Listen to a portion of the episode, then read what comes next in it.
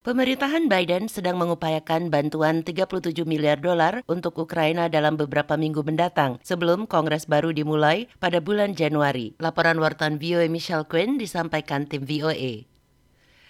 Musim dingin sedang melanda Ukraina, sementara perang yang sudah berlangsung 9 bulan melawan invasi Rusia berlanjut ada dukungan bipartisan yang luas untuk bantuan bagi Ukraina di Kongres Amerika, tetapi dukungan tersebut mungkin berubah. Sebagian pemimpin Partai Republik yang akan memegang mayoritas tipis di DPR ketika Kongres baru mulai bekerja bulan Januari mengatakan mereka akan mengawasi dengan cermat paket bantuan Ukraina yang diusulkan oleh pemerintahan Biden. Anggota Kongres Michael McCall, seorang wakil Partai Republik dari Texas yang juga anggota Komite Urusan Luar Negeri DPR, dalam acara This Week di televisi ABC mengatakan, We are going to provide more oversight, transparency, and accountability. We're not going to write a blank check. Kita akan melakukan pengawasan, transparansi, dan akuntabilitas yang lebih besar. Kita tidak akan menulis cek kosong. Bantuan sebelumnya ke Ukraina mendapat persetujuan dan dukungan bipartisan yang luar biasa. Pemerintahan Biden sedang mengupayakan bantuan darurat 37 miliar dolar untuk Ukraina, guna memastikan negara itu dan militernya akan memiliki dana untuk beberapa bulan ke depan.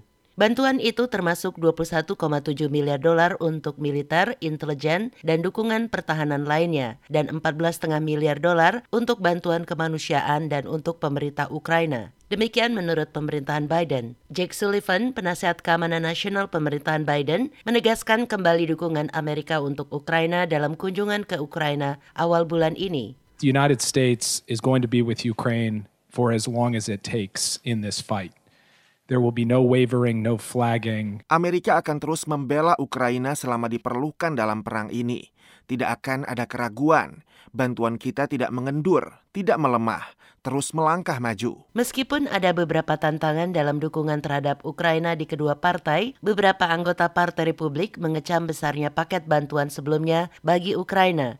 Mereka juga mempertanyakan apakah semua dana tersebut benar-benar masuk ke negara yang sedang berperang itu dan seberapa efektif pemerintahan Biden melacak penggunaan bantuan Ukraina. Anggota Kongres McCall kepada televisi ABC kembali mengatakan, We're going to do this in an accountable way with transparency to the American people. These are American taxpayer dollars going in. Kita akan melakukan ini dengan cara yang bertanggung jawab, dengan transparansi kepada rakyat Amerika. Bantuan ini menggunakan uang pajak rakyat Amerika. Apakah itu mengurangi keinginan kita untuk membantu rakyat Ukraina berperang? Tidak, tapi kita akan melakukannya dengan cara yang bertanggung jawab. Pejabat-pejabat Ukraina mengatakan bahwa para pekerja sedang berupaya memulihkan listrik selama akhir pekan setelah Rusia menyerang beberapa daerah di Ukraina Timur dan Selatan. Saya Madioni dan Karlina Amkas, VOA.